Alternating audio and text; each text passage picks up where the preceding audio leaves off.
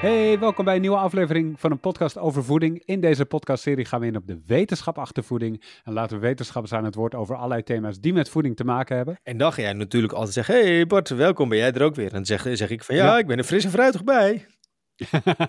Precies zoals het gaat. Ja, precies. Nee, ik voel dat haaf aan aan. Nee, ik wou even kort zeggen dat eh, er op ehm, donderdag 14 maart wordt een heel mooi interessant congres georganiseerd op eh, locatie Buitenplaats Kamerik. En dat betreft het eh eiwittransitiecongres. Mhm. Het is wel een lekkere scrabblewoord waar ik lekker over hakkel. Maar, ehm, woordwaarde. Ja, nee, maar het, het, het mooie haakje is namelijk dat wij hebben natuurlijk altijd broodje Jaap. En Jaap gaat er ook een presentatie geven. En het is best wel cool dat ze Jaap hebben gestrikt voor een eh, keynote. Eh, want ja, je weet hoe druk eh, Jaap is hè, met de dagvoorzitterschappen, de commissies waar hij in zit. ja, alle presentaties, masterclasses die hij geeft. Podcast elke week. Zeker, ook dat. Ja. Maar het is wel heel in- interessant, omdat afgelopen, nou ik denk december, heeft ook de Gezondheidsraad nog een rapportage uitgebracht dat we toch echt wel in een transitie zitten, dat we minder dierlijk eiwit zouden moeten gaan innemen en toch echt wel richting dat plantaardig eh, moeten gaan. En dat, ja, het is heel relevant en actueel. En ja, ook als je inzoekt op gezondheid, hè, uit eh, ja, verschillende onderzoeken blijkt dus ook dat plantaardig eh, vlees- en zuivelvervangers niet altijd een gezondere optie zijn. En dat is ook een paar keer teruggekomen in een pofshow, maar ook in een broodje Jaap. Ja. Eh, en daarmee ligt dat dus ook echt onder een vergrootglas. En dat ja, stimuleert juist bedrijven om daarin te innoveren. Dus als je ook denkt van, oh ja, daar wil ik als bedrijf zijn of als professional meer over weten. Ja, is dit zeker een interessant evenement om heen te gaan. Om je kennis daarin te verbreden, te laten inspireren. Andere mensen uit de business daarin te leren kennen. Dus ik zou zeggen, ja, check even de show notes voor een link naar, eh, ja, voor meer informatie. En eh, hebben ook nog een mooie kortingscode voor je. Voer die 10. Nou, dan heb je toch maar eventjes mooi eh, die 10% korting op je, op je ticket. Yes, en dan gaan we nu door naar broodje Jaap.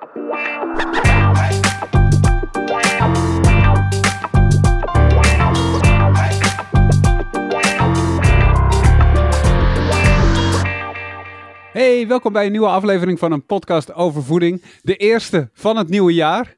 We zijn er weer. Welkom in Ja, 2024. De eerste van Broodje Jaap, hè, Arnoud? Dat is waar. Dat is waar. Hey, ik, het, het, het- is onze eerste opname in 2024. Dus daar, nee, ja, dan, dan heb ik dat enthousiasme van het nieuwe jaar gewoon. Ja, nee, ik, druk, hem- ik druk hem gelijk weer even in hoor, Arnoud. We zijn al drie weken onderweg van het nieuwe jaar.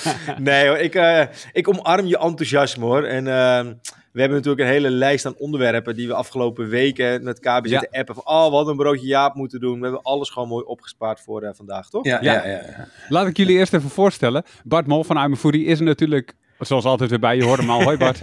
Ja, ja, ik kan me niet inhouden vandaag. en Jaap Seidel hebben we nodig voor Broodje Jaap. Hoi Jaap. Ja, goedemorgen.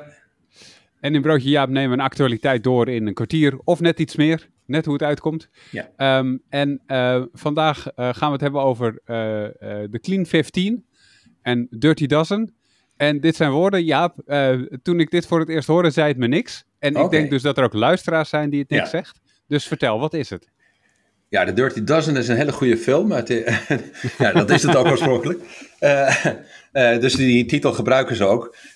Dat is een lijst van eh, de Environmental Working Group, heet dat dan. Dat is een Amerikaanse non-profit organisatie die zich bezighoudt met, met gezondheid en zo.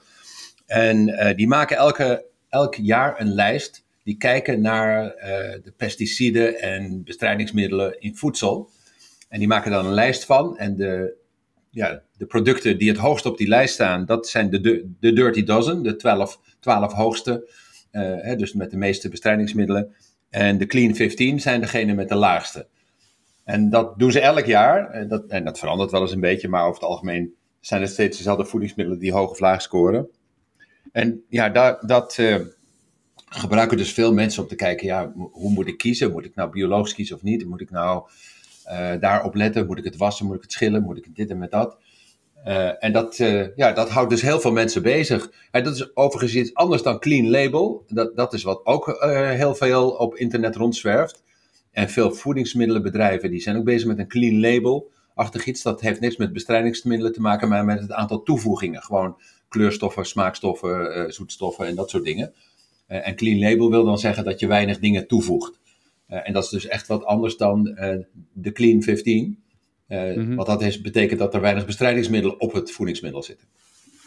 En wat is, ja, dit is een ontzettende nou, ja, wie, staat, wie, wie, wie, heeft er gewonnen? Nee! Oh. Waarom is het belangrijk of er bestrijdingsmiddelen op zitten? Oh ja, nou ja, er is veel onzekerheid rondom bestrijdingsmiddelen. We hebben het wel eens eerder gehad over glyfosaat en zo, dat, waar, waar dan uh, ja, twijfels over zijn of dat wel veilig is. En dat is met heel veel van die bestrijdingsmiddelen ook. Je hebt... Uh, allerlei soorten bestrijdingsmiddelen, maar je hebt ook insecticiden en zo. En die zijn natuurlijk bedoeld om levende beesten dood te maken en ook muizen en zo. Uh, dus ja, waarom, waarom als je gif uh, op je voedsel spuit waar dieren van doodgaan, zou dat dan wel goed zijn voor mensen? Uh, en dan kom je in een ingewikkelde discussie over hoe goed en zeker weten we dan dat bestrijdingsmiddelen ongunstig zijn.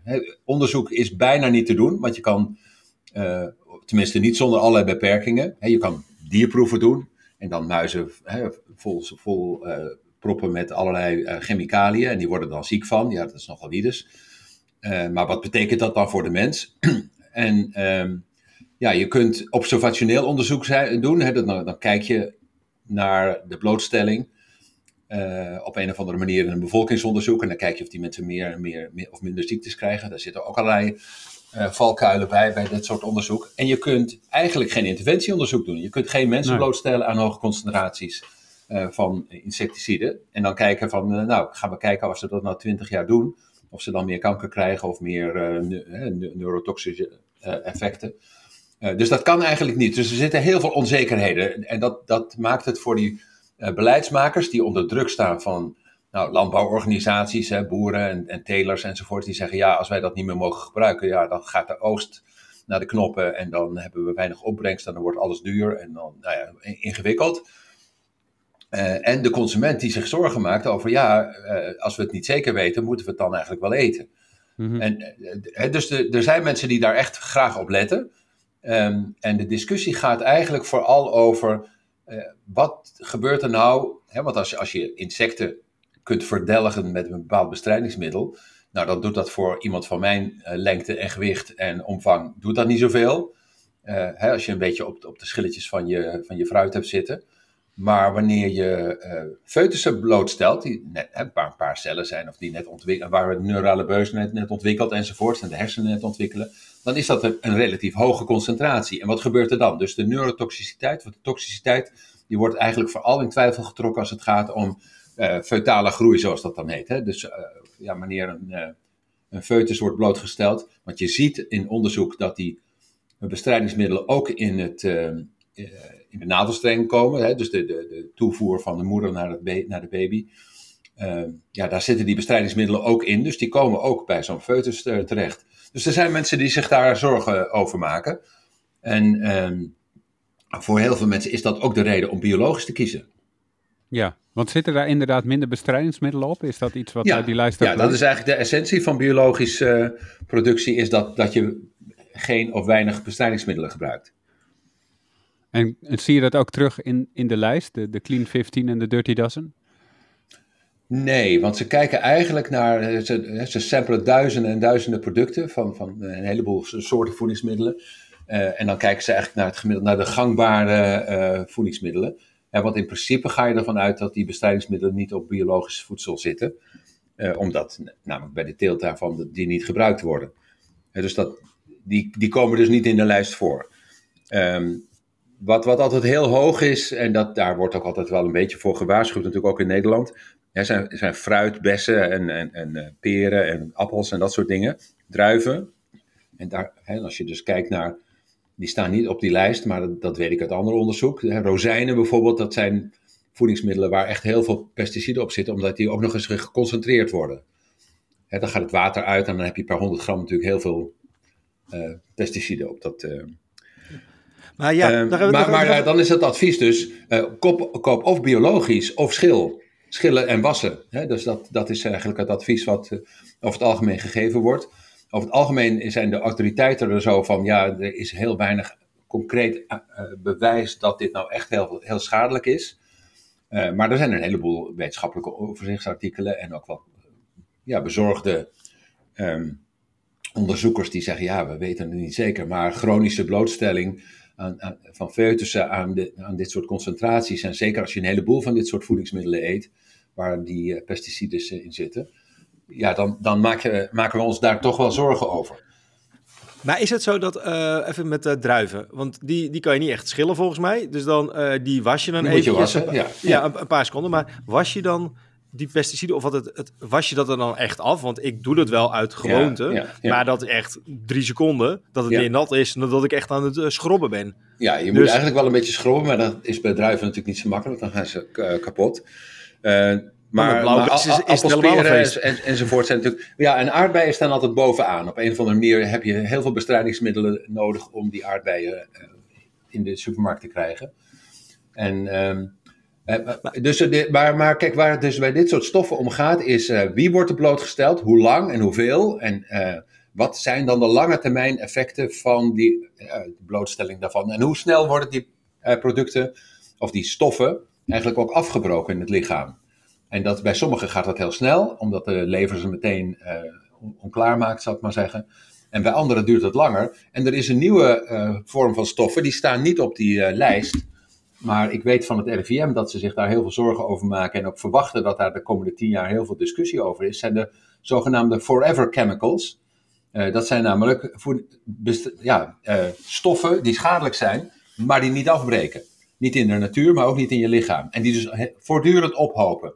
Uh, en als je steeds meer daarvan in je brein of in je organen, in je, in je vaten, in je leven. Kan je daar een voorbeeld van uh, noemen? Ja, PFAS. Ja, dat, precies. Dat dacht ik. Ja, oké, okay, PFAS, dat is zo'n ding. Maar nog even terug over, over, over, de, over de fruit. Want um, ik had ook wel begrepen dat je juist uh, appels en peren juist weer niet moet schillen. Omdat juist bij de schil of onder de schil, dat dat misschien een, ja, ook goed voor je is, toch? Dat je denkt, er zit ook weer mineralen, vitamines in. Dat als je juist de schil eraf haalt, dat dat misschien weer ja, een x-percentage is van de gezonde elementen, wat een appel een appel maakt? Of hoe, hoe, hoe moet ik dat zien dan? Nee, dat, ik denk dat dat wel meevalt. Maar ja, het is dus een afweging van...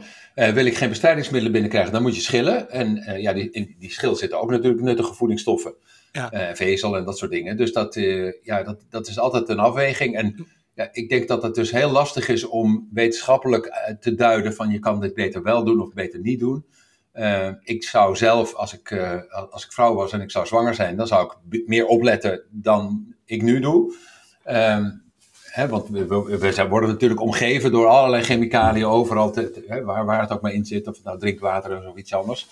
Uh, dus ja, het wordt heel erg lastig om overal rekening mee te houden. Dan krijg je zogeheten clean living. En dat is bijna niet te doen. Dus dat is, dan, dan moet je op een hutje in de hei gaan wonen en je eigen voedsel verbouwen. En dan maar hopen dat de grond niet vervuild is met PFAS. Ja, precies. Maar dan heb je vervolgens, dan sta ik in de supermarkt en dan word ik overweldigd door 15 verschillende uh, appelsmaken. Uh, de ene is extra fruit, die is weer zoetig. Of uh, fruit, die de ene is nog wat zoeter dan de ander. En dat is weer een zuurtje. Die is in Nederland geteeld, die is in België geteeld.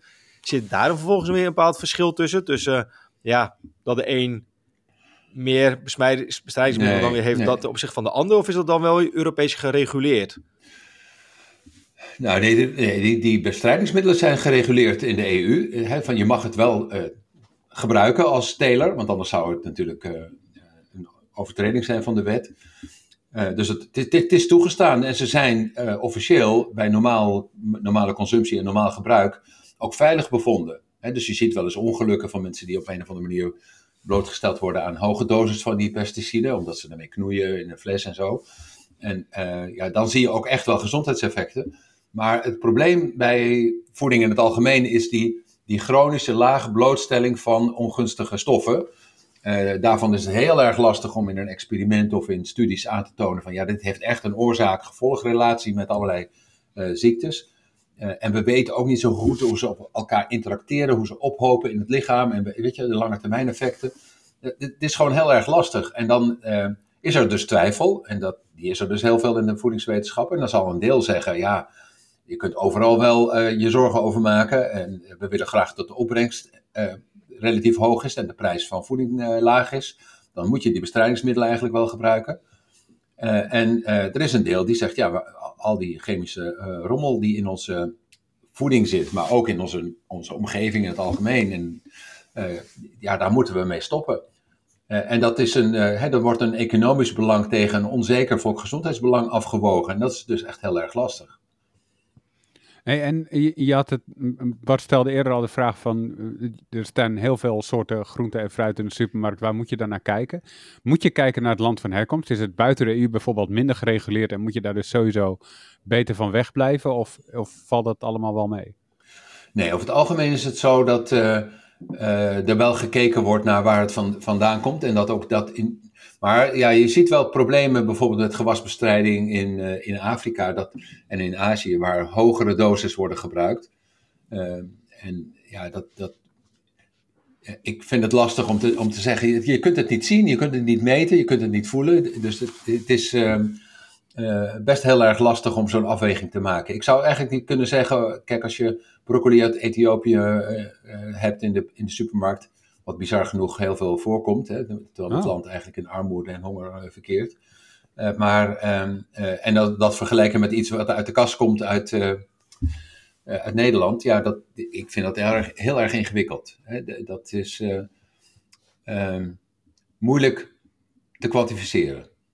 Ja, dus als we het even proberen samen te vatten voor, nou ja, wat, wat, wat, wat kunnen we met deze informatie?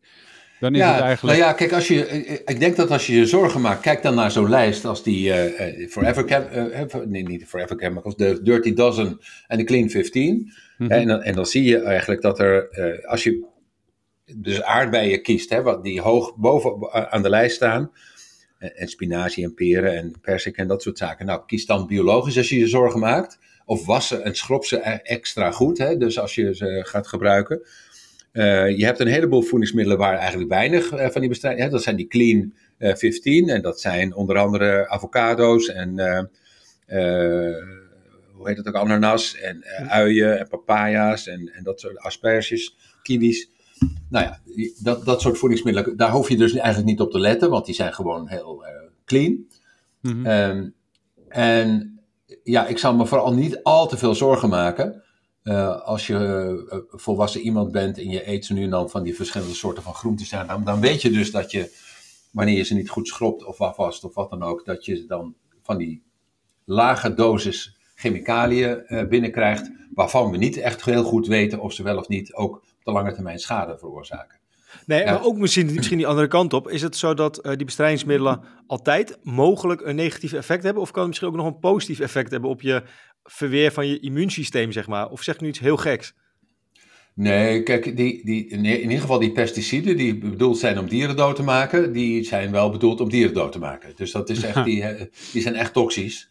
Um, en dat, uh, ja, die, die, doen dus ook wat op bacteriën enzovoort. Hè. Dus dat is, over het algemeen wordt, wordt daar niet zo heel veel gunstige effecten van, uh, van verwacht. Uh, dus dat, ja, um, die, die, die chemicaliën die worden gebruikt omdat ze het, het centrale zenuwstelsel van dieren uh, kapot maken en lam leggen enzovoort. Dus dat, dat, dat, je daar gunstige effecten van zou zien op het immuunsysteem, dat is vrij onwaarschijnlijk. Dus integendeel, het zou denk ik meer ondermijnend zijn dan, dan positief. Maar als ik het even in mijn eigen woorden samenvat, hè, kijk je inderdaad, ja. als je dus een, een, een, volwassen persoon bent, dan kan het inderdaad al, ja, wat je net al zelf noemde, wellicht minder uh, negatief effect hebben. Maar stel voor dat je jonge kinderen hebt, wat ik zelf dus heb, tussen, ja, de, tussen de drie en zes. Dan is het wel eigenlijk wel het advies, zorg ervoor dat je die uh, ja, fruit en groenten die op die lijst staan van meeste bespoten, dat je die dus wel even extra goed schrobt. Of uh, mocht je echt zeker willen zijn dat je gewoon je appel gaat schillen of, of, ja, je ja, of nou biologisch, maar dat is helemaal onbetaalbaar tegenwoordig. Beter safe than sorry zou je kunnen zeggen. Ja, het hangt er een beetje aan vanaf hoe je naar jezelf kijkt en, en je risico's. Hè? Want als je dat doet, maar je, je drinkt wel veel alcohol en je rookt sigaretten enzovoort, dan ben je natuurlijk heel raar bezig. Dus het is altijd een beetje een afweging. We weten van heel veel stoffen dat ze absoluut schadelijk zijn en uh, dat, dat je ze niet moet gebruiken. En dat, eigenlijk denk ik dat uh, in ons voedingspatroon al dat zout en vet en, en suiker enzovoort, dat het uiteindelijk veel meer effecten heeft op onze gezondheid dan die bestrijdingsmiddelen. Maar ja, kijk, zeker die, die forever chemicals, dat is wel echt een zorg waar van het RIVM nu zegt, ja, als we daar iets aan willen doen, want het zit echt overal in, hè, in de bodem en uh, ja. in het water en nou ja, enzovoorts. Dus daar, eh, als we daar meer over weten, en, en het onderzoek in die richting laat echt zien dat we daar een probleem mee hebben, eh, ja, dan hebben we een groot probleem om dat op te lossen. Want dat was je er ook niet zomaar even af. Yes, dan lijkt het me tijd om dit onderwerp af te sluiten. Bart, heb je tot slot vanuit Amefoodie nog dingen die je wil toevoegen? Nou, eigenlijk wel voor ehm, de de vaste luisteraar die weet het inmiddels al, denk ik, dat we elke maand een hele mooie masterclass hebben. En eveneens, uh, morgen dan hebben we een hele interessante masterclass uh, van voeding en hardlopen. Dus ben je een vervent hardlopen. Overigens, Oeh. hardlopen, dat doe je al vanaf een 800 meter. Tot de 800 meter, dan doe je een sprint. maar de meeste mensen, die gaan vanaf 800 meter uh, om het je een beetje hardlopen. Een beetje in een, ja, we zitten in januari, dus waarschijnlijk hebben heel veel mensen goede voornemens. Ik hoop dat mensen zich er nog een beetje aan kunnen houden. Dat ze zeggen, joh, ik ga wat meer in beweging komen. Nou, hardlopen, ik doe het zelf ook uh, twee keer in de week. Uh, heel eenvoudig. Je hebt alleen hardloopschoenen nodig. ik doe het dan zonder muziek en dat soort dingen. Vind ik heerlijk door het bos of gewoon even lekker een rondje om en meer. Maar ehm, morgen een masterclass van Titia. Uh, kan je nu nog inschrijven. Dus uh, mocht je denken, hey, klinkt interessant. Overigens is ook een replay uh, wordt aangeboden. Dus mocht je morgen misschien een uurtje kunnen aanhaken, geen nood. Je krijgt na de masterclass krijg je automatisch een replay in je mail. Die nog twee weken beschikbaar is om terug te kijken. Dus mocht je het interessant vinden of misschien een andere masterclass, check even de show notes voor de link. Yes. Dan wil ik nog zeggen, vind je de, deze podcast nou leuk? Geef sterretjes en recensies in je podcast app. Dat helpt anderen weer ons te vinden. En daar zijn we wel blij mee, want meer luisteraars is meer beter. Dankjewel Jaap. Graag gedaan, tot de volgende keer. Dankjewel Bart. Yes, ja, het was weer genoeg jongens. Uh, we gaan nog mooie shows maken. Pas weer ja, leuk. Dit, dit wordt een mooi jaar. Zeker. Uh, jij dankjewel voor het luisteren en tot de volgende keer. Later.